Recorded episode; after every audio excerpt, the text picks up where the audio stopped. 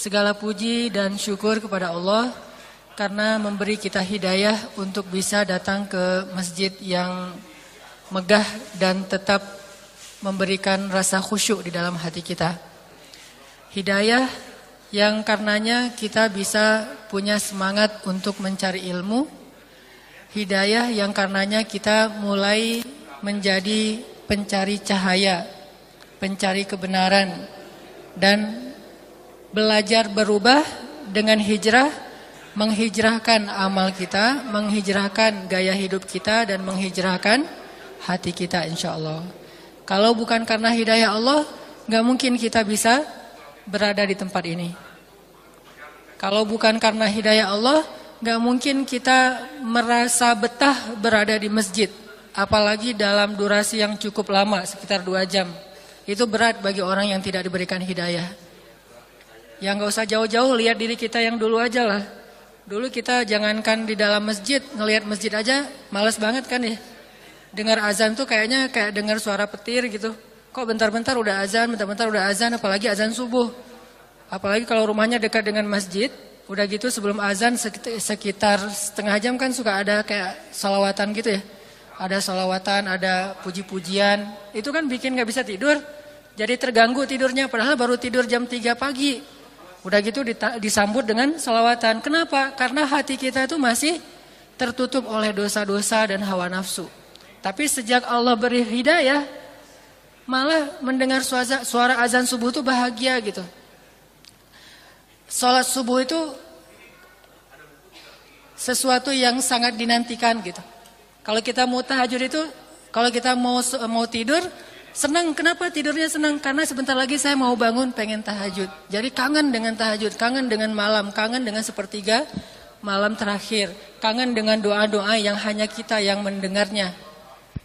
Pastinya Allah Subhanahu wa taala Maha menyaksikan. Ini menunjukkan bahwa kalau bukan karena hidayah Allah, kayaknya agak susah kita bisa betah di dalam masjid sampai dua jam lebih. Mendengar taklim Cek Mendengar taklim Bukan karena taklimnya bagus Ah standar Karena saya kalau ceramah di tempat lain juga nggak rame-rame amat yang datang Bukan ustadz yang nyelep Bukan yang terkenal Bukan yang sering masuk TV Bahkan Saya belum pernah masuk TV kayaknya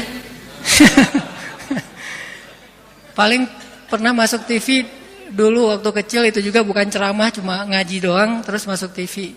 Udah gitu pas saya udah jadi ABG udah nggak jelas, udah nggak masuk TV lagi. Sampai sekarang belum masuk TV berarti belum jelas ya. Artinya bukan karena ceramahnya bagus, bukan karena pematerinya itu terkenal, bukan karena ilmunya banyak, tetapi kenapa kita masih betah? Berarti karena Allah Subhanahu wa taala menjadikan hati kita nyaman dalam rumah Allah Subhanahu wa taala. Apa kata Nabi? Kalau kamu melihat seorang laki-laki merasa nyaman di dalam rumah Allah seperti dia nyaman di rumahnya, maka saksikanlah bahwa dia orang yang beriman. Insya Allah kita tergolong orang yang beriman. Pernah nggak ngajak teman, yuk ikut yuk ke mana? Ke masjid. Ah, malas ah kalau ke masjid, gitu kan? Kalau misalnya ikut yuk ke mana? Jalan, ke mana? ke kafe atau ke tempat-tempat hiburan atau ke mall atau ke mana lah itu pasti dia akan semangat banget malah kita nggak akan dulu pas masa-masa belum kayak sekarang gitu ya. Masa-masa dulu dipaksain sama teman kita sampai dia datang ke rumah terus maksa-maksa kita ikut malam padahal kita udah capek banget tapi dipaksain datang ke tempat-tempat hiburan. Kita nggak tersinggung sama teman kita kan? Nggak marah sama dia lu ngapain maksa-maksain gua? Kan ini urusan pribadi. Kan nggak pernah ngomong gitu ya? Kita malah ngelihat dia yang maksain kita ke tempat-tempat hiburan itu kayaknya oh dia mah orangnya setia kawan gitu, nggak mau menikmati hiburan sendiri, share your happiness banget gitulah ya. Tapi dalam makna yang lain. Nah, sekarang orang tersinggung kalau kita agak maksa ke masjid. Kenapa? Karena hatinya emang nggak tertarik dengan masjid. Kalau misalnya teman-teman sekarang diajak sama temannya, yuk ke masjid TSM ngapain? Ada kajian, ada uh, majelis ilmu gitu. Terus kita bilang, ah agak-agak capek, udah nggak apa-apa, nggak usah dirasain dulu capeknya, yang penting ikut aja dulu, capeknya nanti di masjid. Kita nggak tersinggung lagi sekarang, kenapa? Karena Allah udah memberi kita rasa nyaman dalam keimanan. Dan itu hidayah yang sangat-sangat besar yang harus kita syukuri. Melebihi anugerah, harta, rezeki, umur, dan semua kebaikan-kebaikan hidup. Hidayah dari Allah subhanahu wa ta'ala. Makanya kalimatnya, Alhamdulillahilladzi hadana lihada. Wa ma kunna linahtadiya laula an hadanallah. Segala puji bagi Allah yang udah ngasih kita hidayah seperti ini. Kalau bukan hidayah Allah, pasti kita dalam keadaan tersesat. Jadi teman-teman sering-sering ngucapin kalimat itu biar Allah tambah lagi hidayah. Karena hidayah itu enggak sekaligus. Dari awal dia muncul, dia dari awal dia masuk ke dalam hati sampai menjadi utuh itu butuh waktu, enggak sekaligus. Cara biar dia nambah terus gimana? Bersyukur kan? Lain syakartum la azidannakum. Kalau kamu bersyukur, aku tambah nikmatku. Nah, salah satu biar ditambah nikmatnya itu nikmat hidayah. Cara bersyukurnya sering-sering ucapkan Alhamdulillahilladzi hadana lihada wa ma kunna linahtadiya laula an hadanallah. Segala puji bagi Allah atau makasih Allah yang udah ngasih saya hidayah kepada kebaikan. Kalau bukan hidayahmu pasti saya dalam keadaan masih tersesat. Sering-sering ngomong kayak gitu. Dari dulunya senang dosa, sekarang jadi nggak senang lagi sama dosa. Dari dulunya bahkan nggak bisa ninggalin dosa. Kalau nggak melakukan dosa sehari itu rasanya kayak ada yang kurang dalam hidup. Sekarang malah sekali buat dosa yang mungkin nggak sebesar dulu itu rasanya nggak nyaman lagi tuh.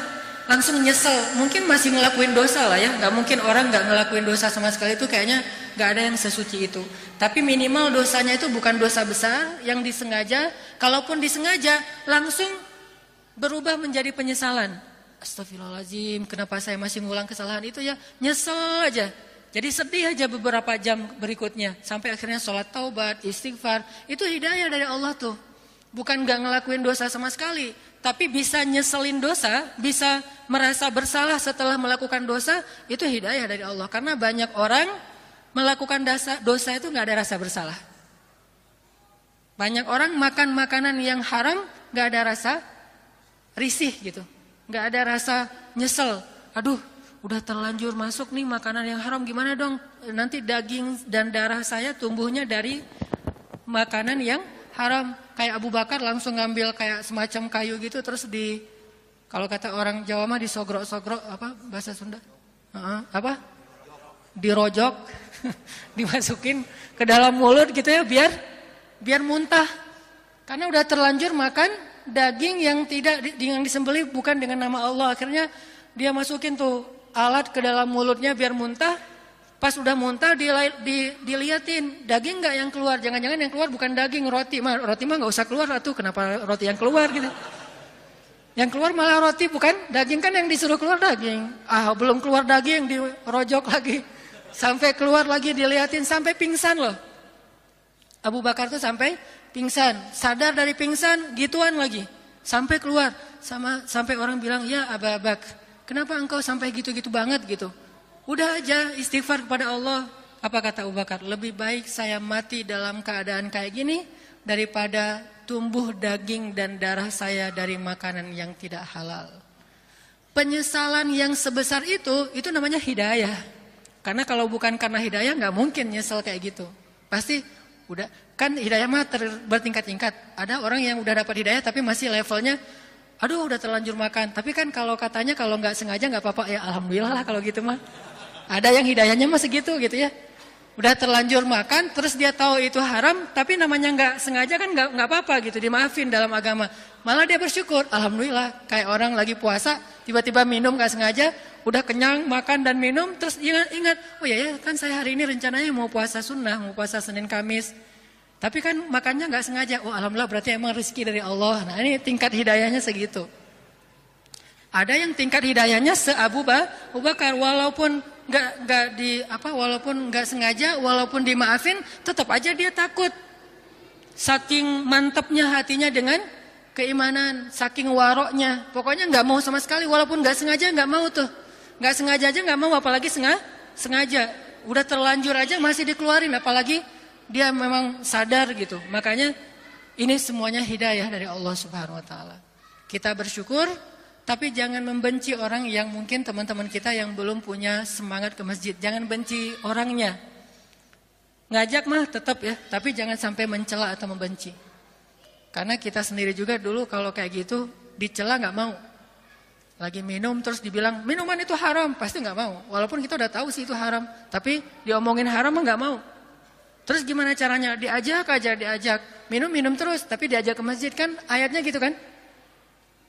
Eh, wala taqrabus wa antum sukaro. Jangan deketin masjid atau jangan lakukan sholat ketika kalian lagi ngefly. Kan ayatnya gitu kan? Berarti kalau misalnya nggak lagi sholat, boleh dong. Itu kan awal-awal turun ayat tentang khamar kan gitu kan ya? Pertama, khamar itu ada baiknya, ada buruknya. Tapi buruknya lebih besar. Oke. Kedua, khamar itu perbuatan setan. Ketiga, janganlah kalian mendekati uh, uh, tempat sholat kalau dalam keadaan mabuk. Sehingga para sahabat kalau misalnya udah menjelang waktu sholat, nggak mau mabuk-mabukan dulu. Stop dulu, di pause dulu. Eh, ntar lagi mau masuk waktu sholat nih, daripada kita ntar belum sadar, ya udah kita tunggu aja. Ke masjid nih. Udah selesai, Assalamualaikum, Assalamualaikum, selesai sholat, udah mabuk-mabukan. Masih kayak gitu tuh. Pulang mereka minum-minum lagi, pesta-pesta lagi sama teman-temannya, mabuk. Kan yang dilarang waktu sholat doang. Kalau di luar sholat, boh, masih boleh. Coba lihat sunnatut tadarruj. Bagaimana Islam itu membuat tahapan-tahapan dalam mengajak orang kepada kebaikan. Mungkin teman kita ada yang masih mabuk. Jangan datang-datang langsung bilang, Innamal khamru wal maisiru ayatnya gitu ya. Sesungguhnya khamar itu apa misalnya. Jangan itu dulu yang dibahas. Jangan Minuman yang lagi dia senang-senangnya dulu yang dibahas. Udah aja. Temenin saya yuk ke mana? Ngumpul-ngumpul sama teman-teman lama gitu. Teman-teman lama udah pada hijrah gitu. Oh ya yuk, ayo, ayo gitu ya. Udah datang, ah kok masjid? Yang ngumpulnya di sini gitu. Ah malas ada masjid. Ya udah kita nongkrong di depan aja, nggak usah di dalam. Di depan tuh. Ada soalnya kasusnya gitu, nongkrongnya di depan, nggak mau masuk. Soalnya merasa saya mah kotor, masjid kan suci. Jadi nggak boleh ada najis. Sayang sendiri nah, ya, najis. Dia merasa kayak gitu dan itu udah kebaikan buat dia. Nongkrong di depan, ngobrol sama teman. Jadi jangan selalu ngelihat kalau ada yang nongkrong di tangga. Kenapa sih orang nongkrong di tangga nggak mau masuk masjid? Siapa tahu tahap hidayahnya masih segitu gitu. Siapa tahu hari ini dia nongkrong di tangga, besok udah di pintu, lusa udah masuk di depan, lama-lama jadi di sini. Malam bisa jadi lama-lama duduk di atas ini nih. Kan kita nggak tahu kan? Banyak orang yang duduk di atas ini yang masa lalunya entah gimana keadaannya luar biasa, nauzubillah gitu. Tapi tiba-tiba bisa berada di sini. Artinya udah aja nongkrong di depan. Pas nongkrong di depan dengar suara azan. Nah ini pentingnya muazin tuh yang suaranya bagus. Pas dengar suara azan, azannya ala al-aqsa. Yang lembut, yang pokoknya nyentuh di hati banget. Touching banget di hati kita tuh. Pas dia dengar namanya orang kayak gitu tuh sejahat apa pun hatinya tuh baik sebetulnya. Malah banyak orang yang macam-macam kehidupannya itu kehidupan yang sebutlah jahil ya. Tapi hatinya itu yang saya perhatiin rata-rata itu lembut sebetulnya. Cuma belum ada momentum aja buat dia balik arah. Pas dengar azan, orang kafir aja dengar azan bisa nangis kan? Apalagi ini orang muslim, cuma emang selama ini jauh dari agama. Mungkin pas dengar azan jadi pengen sholat cuma malu sama temennya.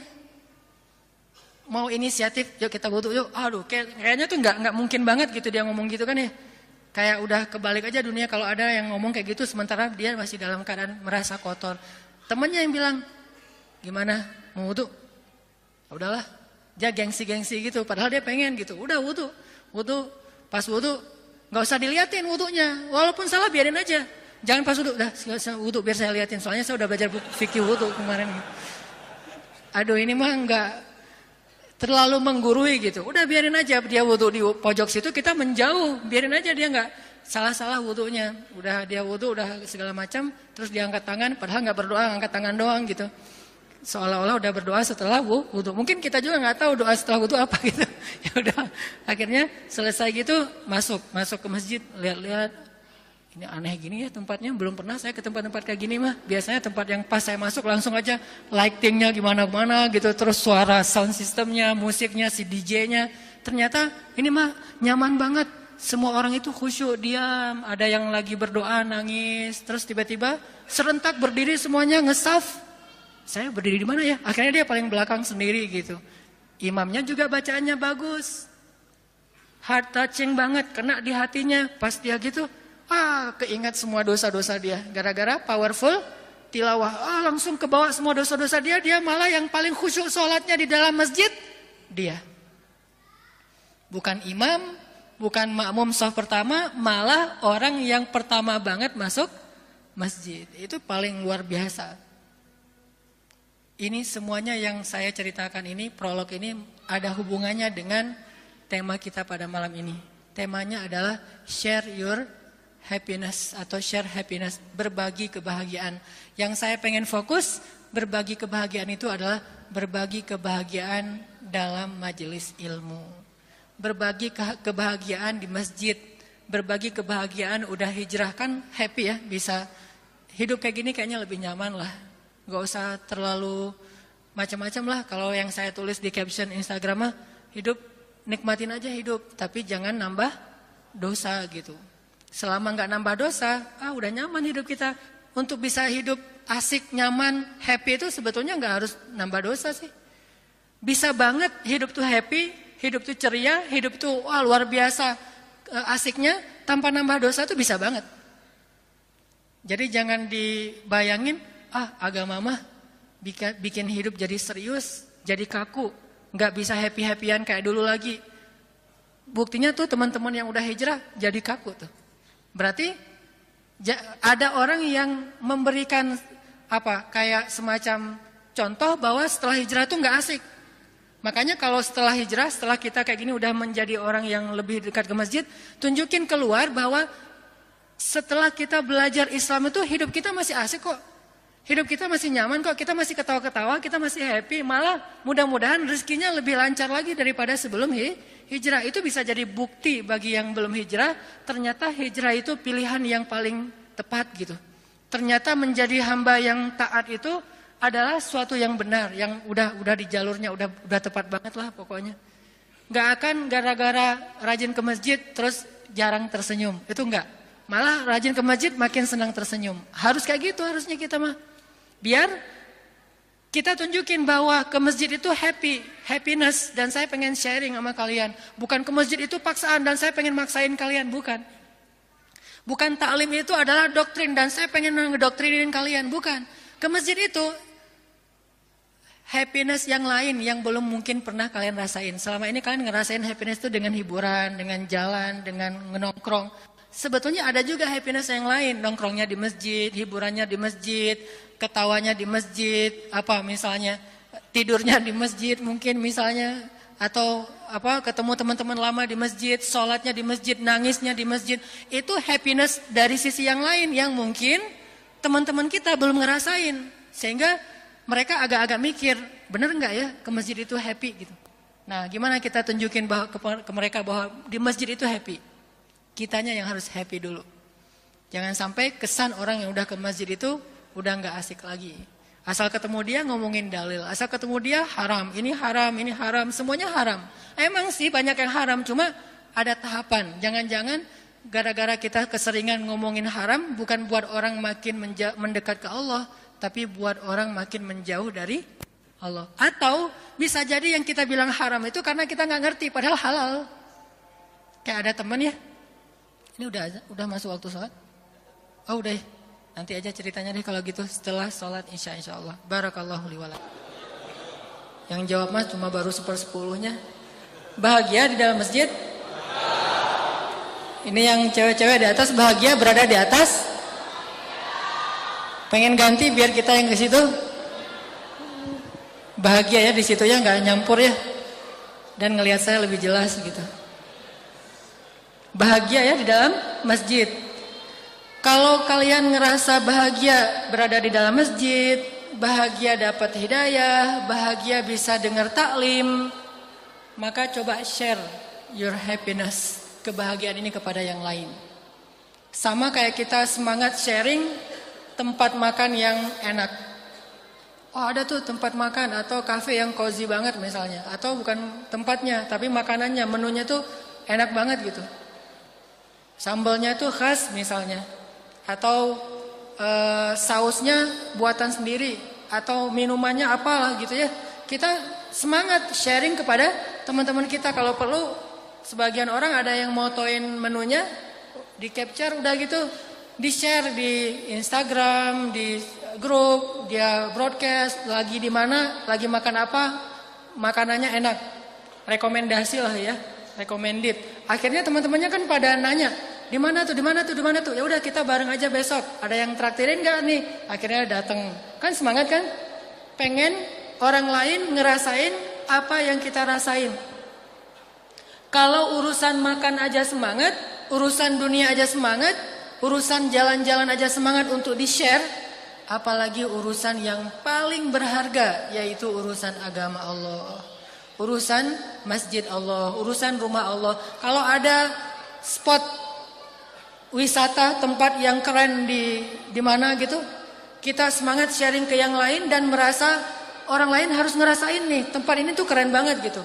Maka tidak ada tempat yang lebih baik di muka bumi kata Nabi daripada rumah Allah. Sebaik-baik tempat di muka bumi itu adalah mas masjid. Jadi harus ada semangat untuk sharing itu. Ah, saya pengen teman saya yang ini dapetin kebahagiaan yang saya rasain di dalam masjid. Share kepada mereka. Ajak kalau bahasa pesantren mah dakwah lah ya.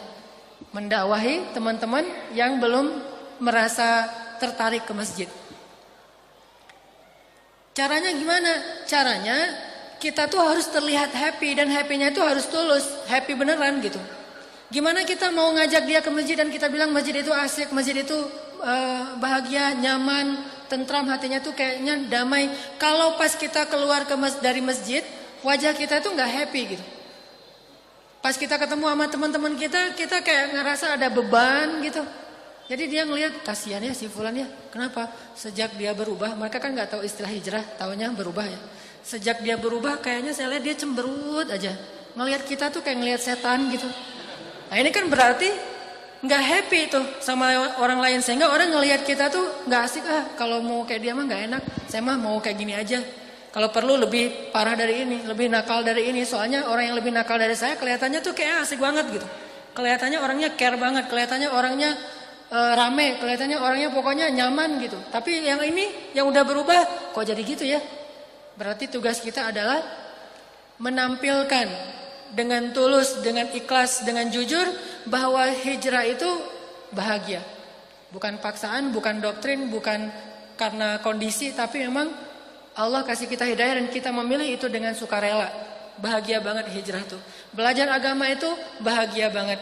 Duduk di masjid itu bahagia banget menjadi orang yang coba mempelajari agama lebih baik dan mengamalkannya bahagia banget. Sehingga ketika dia ngelihat kita, dia jadi penasaran. Kok dia sekarang orangnya lebih nahan emosi ya daripada dulu. Dulu mah orangnya ngeledak-ledak gitu. Sekarang lebih sabar. Sekarang orangnya lebih kalem. Sekarang orangnya lebih bijak kayaknya. Sekarang orangnya lebih care sama teman ketimbang dulu. Kalau dulu mah nggak gitu-gitu amat. Tapi sekarang luar biasa care banget sama temannya. Sekarang dia orangnya mudah tersenyum, orangnya ngalah, orangnya pas mereka ngelihat perubahan kita yang luar biasa, yang keren, yang mudah-mudahan sesuatu yang baik, itu buat mereka penasaran, kok jadi gitu ya? Apa yang berubah dari dia? Apa yang membuat dia jadi kayak gitu? Ternyata setelah diteliti, setelah dicari tahu sama mereka, kita tuh udah belajar agama pelan-pelan. Ternyata benar belajar agama itu bisa membuat orang jadi lebih baik, bukan buat orang jadi lebih gampang ngeselin. Kan ada orang makin belajar agama makin ngeselin. Ada orang yang makin belajar agama makin nyenengin. Nah kita coba yang kedua. Sehingga dari situ kita bisa sharing. Nanti ajaknya pelan-pelan kayak tadi. Gak usah langsung bilang mau ngajak ke taklim. Taklim apaan? Halakoh. Halakoh. Halakoh itu apa gitu. Istilahnya berat-berat banget. Halakoh, taklim, tarbiyah, apalagi tuh. Tausiah, liko, gitu-gitu kan berat tuh. Terus ngapain? Nongkrong yuk gitu. Di mana? udah ada teman sama teman-teman lama yang kayak tadi. Udah pelan-pelan akhirnya dan gak usah dipaksain. Jangan sampai wajah kita berubah menjadi cemberut gara-gara dia menolak. Justru ketika kita cemberut gara-gara dia nolak itu menunjukkan bahwa kita itu nggak nggak asik gitu, nggak nyaman. Sehingga dia akan lagi-lagi berkata ternyata kamu udah berubah nggak kayak dulu gitu. Makanya coba kita punya semangat untuk share. Kenapa sih harus punya semangat untuk sharing? Pertama emang lebih asik kalau rame-rame kan? Bayangin kalau ketemu di sini teman-teman lama gitu, teman-teman nakal dulu, ketemunya di masjid kan itu asik ya. Kalau nggak punya teman nakal jangan nakal, udah aja teman-teman yang baik dulu. Gitu. Ah saya mah Ustaz nggak pernah nakal-nakal amat, dari dulu mah gini-gini aja. Kan ada istilah pemuda hijrah mah dulunya nakal, kalau pemuda istiqomah emang dari dulu udah baik gitu. Istiqomah kan? Jadi kalau ini emang saya mah Ustaz dari dulu udah baik. Oh, kamu bukan pemuda hijrah, pemuda istiqomah. Karena udah bah, udah baik. Teman-teman nakal nongkrong dari dulu tuh ketemu lagi di sini. Ah, akhirnya malu. Tapi gimana mau malu? Lo juga di sini, gua juga di sini sama dengan kita. Cuma beda jalur masuknya. Ada yang lewat si fulan, si fulan, si fulan. Pokoknya ketemunya di sini. Akhirnya reunian di masjid. Itu luar biasa. Kayak sahabat-sahabat reunian di depan Ka'bah. Pernah baca nggak adegan sahabat reunian di depan Ka'bah? Reunian sahabat nakal. Teman-teman nakal mereka gitu. Jadi ketemu lagi di depan Ka'bah pas habis Fathu Makkah. Siapa aja coba? Umar yang dulu pernah bunuh orang. Kalau mabuk mah emang udah dia banget lah gitu ya. Kalau bunuh orang pernah lah mabuk.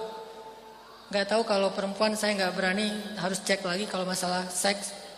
Tapi bunuh orang, mabuk, syirik itu kalau syirik sekarang mah dukun, ramal, yang gitu-gitu deh yang ilmu-ilmu kanuragan yang gitu-gitu. Pernah lah kayak gitu-gitu mah Umar. Umar, udah gitu siapa? Khalid. Wah, ini mah berdua kan petarung nih. Duel berdua aja tuh. Sekali menang Umar, sekali menang Khalid. Sering kayak gitu tuh. Nggak nggak ada yang bilang Umar lebih kuat daripada Khalid atau Khalid lebih kuat daripada Umar. Pokoknya gantian aja juaranya tuh. Kalau di skate sama kayak Absar sama Pevi itu. Sekali juaranya Absar, sekali juaranya Pevi kan berdua aja tuh. Nah ini Umar, Khalid, Umar, Khalid. Tarung lagi, tarung lagi. Gak selesai-selesai, cuma tarungnya tarung fair, tarung di atas ring. Mereka gak tarung tawuran, tarungnya di atas ring. Wah, sekali Umar dari Bani Kabilah Fulan, Khalid dari Kabilah Fulan. Padahal mereka juga masih sepupuan sih. Kadang-kadang adu panco gitu. Menang Khalid, menang Umar berdua. Jagoan di masa nakal, jahiliyah. Ketemu lagi siapa? Ikrimah. Ikrimah itu siapa? Anaknya Abu Jahal. Bapaknya aja gitu ya. Gimana anaknya kan? Wah lebih nakal lagi tuh. Pokoknya nih satu geng anak muda yang kalau kita baca sejarah ya. Umar, Khalid, Ikrimah, Amr bin As. Uh, ada Abu Jandal, ada Abdullah bin Suhail. Terus ada sekitar 10 orang nih geng anak muda yang nakal-nakal. Padahal yang muda yang lain ada kayak Usman itu masih muda, cuma dia nggak nakal. Dia pemuda istiqomah banget kalau Usman mah. Karena emang dia Abu Bakar tuh pemuda istiqomah. Soalnya emang nggak pernah syirik, nggak pernah berzina, nggak pernah minum, nggak pernah membunuh orang. Itu udah baik dari dulunya juga walaupun belum paham Islam. Abu Bakar, Usman, Ali itu memang anak istiqomah banget.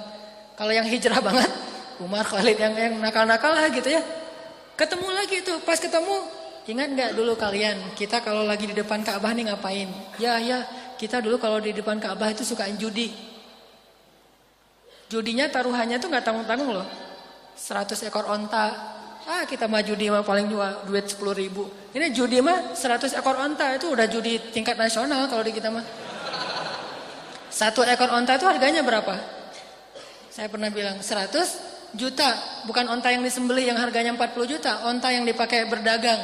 Paling murah 100 juta kali 100 sekali sekali judi.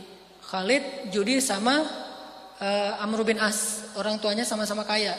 Pas kalah kata mereka, "Ah, 100 ekor onta mah cuma untuk satu kali pesta gitu mah." Karena kalau datang tamu dari luar negeri, katakanlah jamaah haji, mereka tuh ngasih makanan jamaah haji itu satu keluarga sendiri gitu. Jamaah haji semuanya saya yang tanggung hari ini, besok saya yang tanggung. Itu 100 ekor onta sekali nyembelih.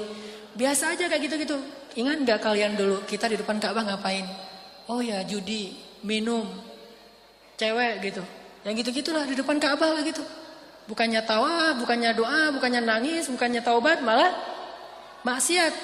Tapi setelah dapat hidayah, akhirnya di depan Ka'bah mereka bersama Rasulullah mengingat masa lalu, menangis, bertaubat dan bersyukur udah diberi hidayah. hidayah.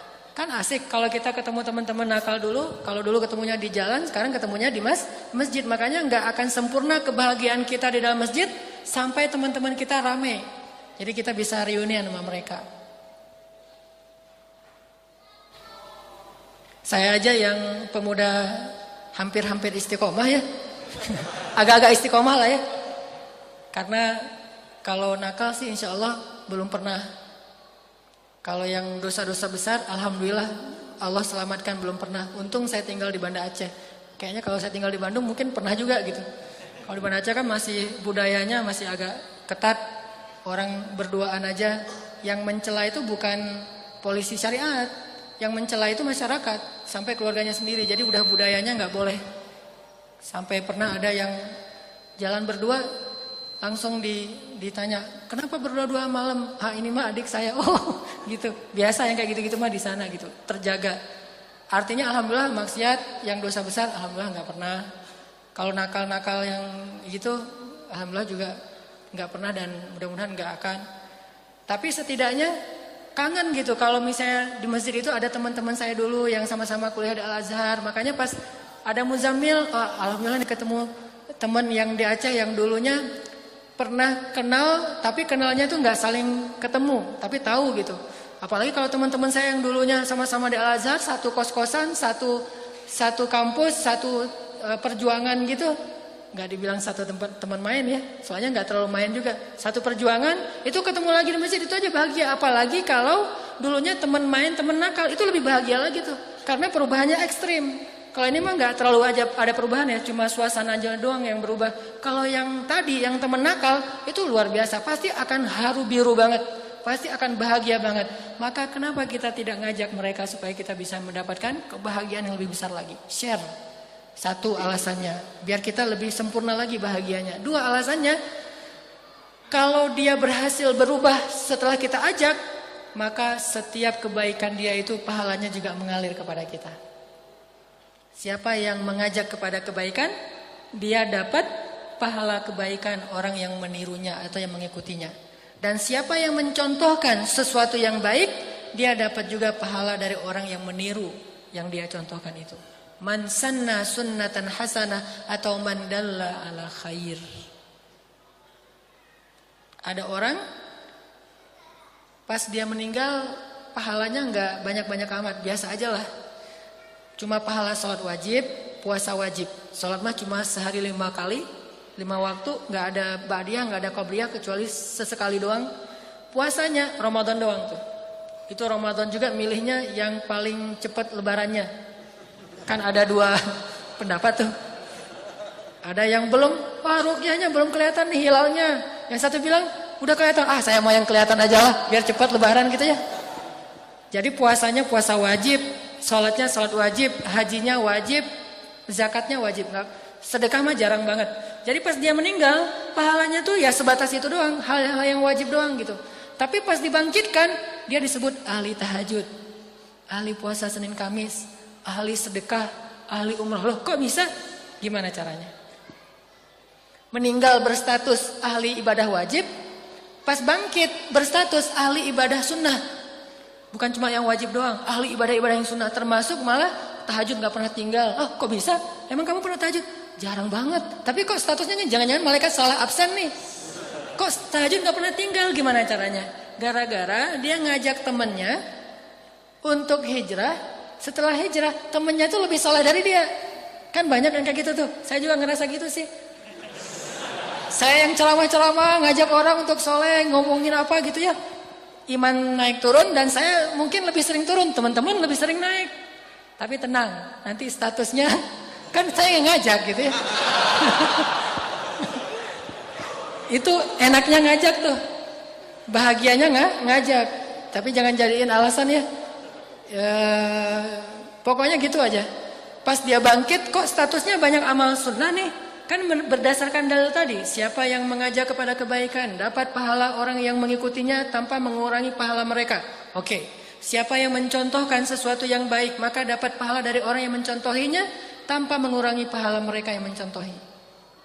Ternyata teman yang diajak sama dia tuh gak pernah tinggal tahajud atau tahajudnya selang-seling, semalam tahajud, semalam enggak. Tapi ada dua, jadi tetap aja gak pernah tinggalkan ya.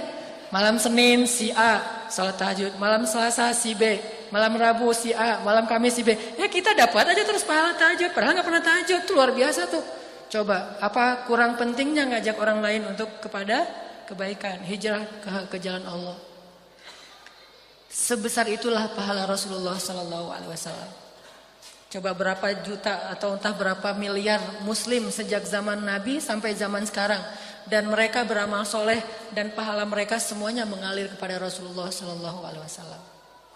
Lalu mengalir kepada para ulama, mengalir kepada para pemimpin khalifah-khalifah yang adil, mengalir kepada para dai-dai, para rijal, sampai kepada ulama-ulama yang di masa sekarang. Termasuk kita juga punya peluang kayak gitu. Cuma mungkin nggak sebanyak Rasulullah. Kalau Rasulullah kan seluruh umatnya ya. Kalau kita mah seluruh temannya gitu. Bukan seluruh umatnya, seluruh teman. Dari dia nanti, dia ngajak lagi teman yang lain. Oh, kita masih dapat, masih. nggak akan terputus tuh amal yang jariah. Apa arti jariah? Nggak ada putus-putusnya, nggak ada berhentinya. Teman kita ngajak yang level berikutnya ke MLM gitu, ngajak lagi, ngajak lagi, tetap aja kita dapat. Kenapa? Orang yang nomor dua itu dapatnya dari satu, satu dapatnya dari kita. Terus aja gitu, nggak akan ada habisnya. Makanya ajak teman kita. Tapi tadi pakai etika dakwah yang arif. Jangan maksa, jangan doktrin, jangan dengan cara ngejat. Udah aja dengan jangan ngejudge tapi ngajak.